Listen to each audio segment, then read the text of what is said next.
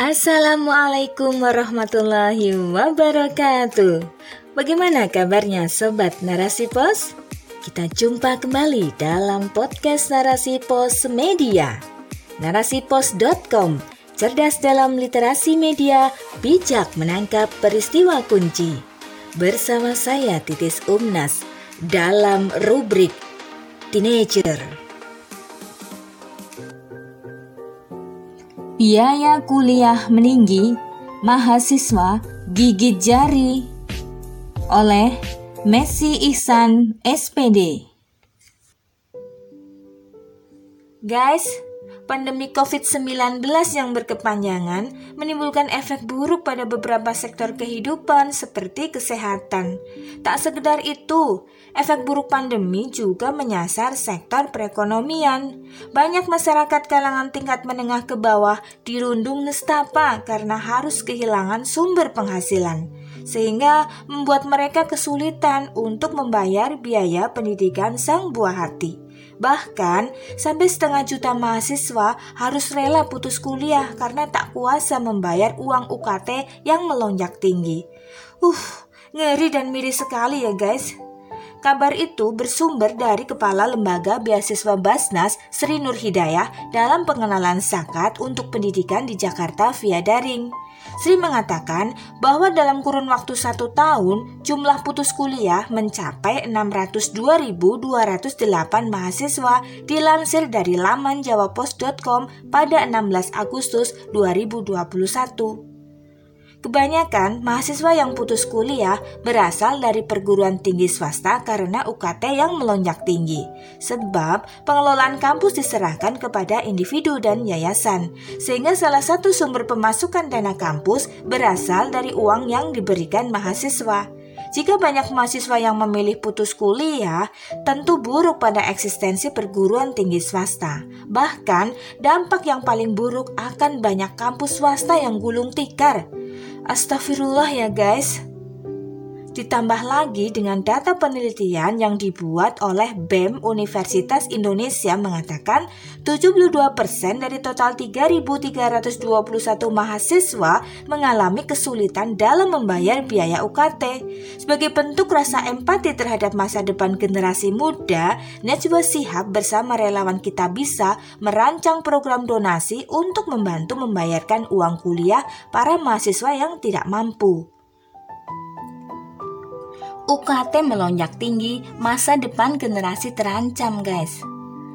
Bagi golongan anak-anak penguasa dan pengusaha, biaya UKT yang mahal bukanlah masalah, mengingat hari-hari hidup mereka dihiasi dengan kemewahan dan gemerlap dunia. Berbeda dengan keadaan anak-anak yang lahir dan tumbuh di kalangan kelas menengah ke bawah. Bagi mereka, mampu menyicipi pendidikan merupakan hal terindah dan perkara yang sangat mewah. Akan tetapi, harapan itu pupus saat aturan manusia yang berkuasa. Orang-orang yang memiliki uang bertindak sesuka hati dan nafsu tanpa memikirkan perasaan orang lain ya guys. Sejak awal pandemi corona pun mahasiswa sudah banyak yang turun ke jalan untuk menyuarakan aspirasi dan melakukan aksi protes agar ada penurunan biaya UKT atau bantuan bagi mahasiswa yang tidak mampu. Akan tetapi, semua itu hanya dianggap angin lalu oleh orang-orang yang berkuasa. Padahal, semakin hari kondisi di seluruh sektor kehidupan kian sulit dan menjepit. Sistem kapitalisme memang egois sekali pada rakyat biasa. Slogan yang katanya memberikan pelayanan terbaik untuk rakyat ternyata hanya kata-kata di bibir manis saja, tetapi nihil dalam realita. Pendidikan ala sekularisme merupakan ladang bisnis yang hanya mengutamakan keuntungan materi. Tidak ada istilah pelayanan gratis tanpa syarat dan ketentuan berlaku. Termasuk memberikan bantuan pendidikan kepada mahasiswa harus ada jaminan untung bagi para kapital, sehingga rakyat dibiarkan berusaha sendiri untuk mampu menyicipi fasilitas yang ada. Padahal seharusnya semua itu bagian dari tanggung jawab negara. Indonesia sebagai negara yang kaya raya dengan potensi emas yang melimpah ruah seharusnya mampu membiayai kehidupan seluruh masyarakat sampai tujuh turunan. termasuk bisa membiayai pendidikan generasi muda secara murah atau bahkan gratis. Akan tetapi, semua itu hanya angan dan hayalan semata tatkala SDA negeri ini dikuasai oleh asing dan asing. Sementara rakyat pribumi hanya bisa memungut sampah-sampah yang berserakan. Kondisi mahasiswa yang putus kuliah kudu harus diselesaikan secara tuntas ya guys. Sebab ancaman kehilangan potensi intelektual generasi muda berada di depan mata. Apakah kita ingin negeri ini dipimpin oleh generasi yang rapuh dan krisis identitas? Pendidikan terbaik dalam sistem terbaik.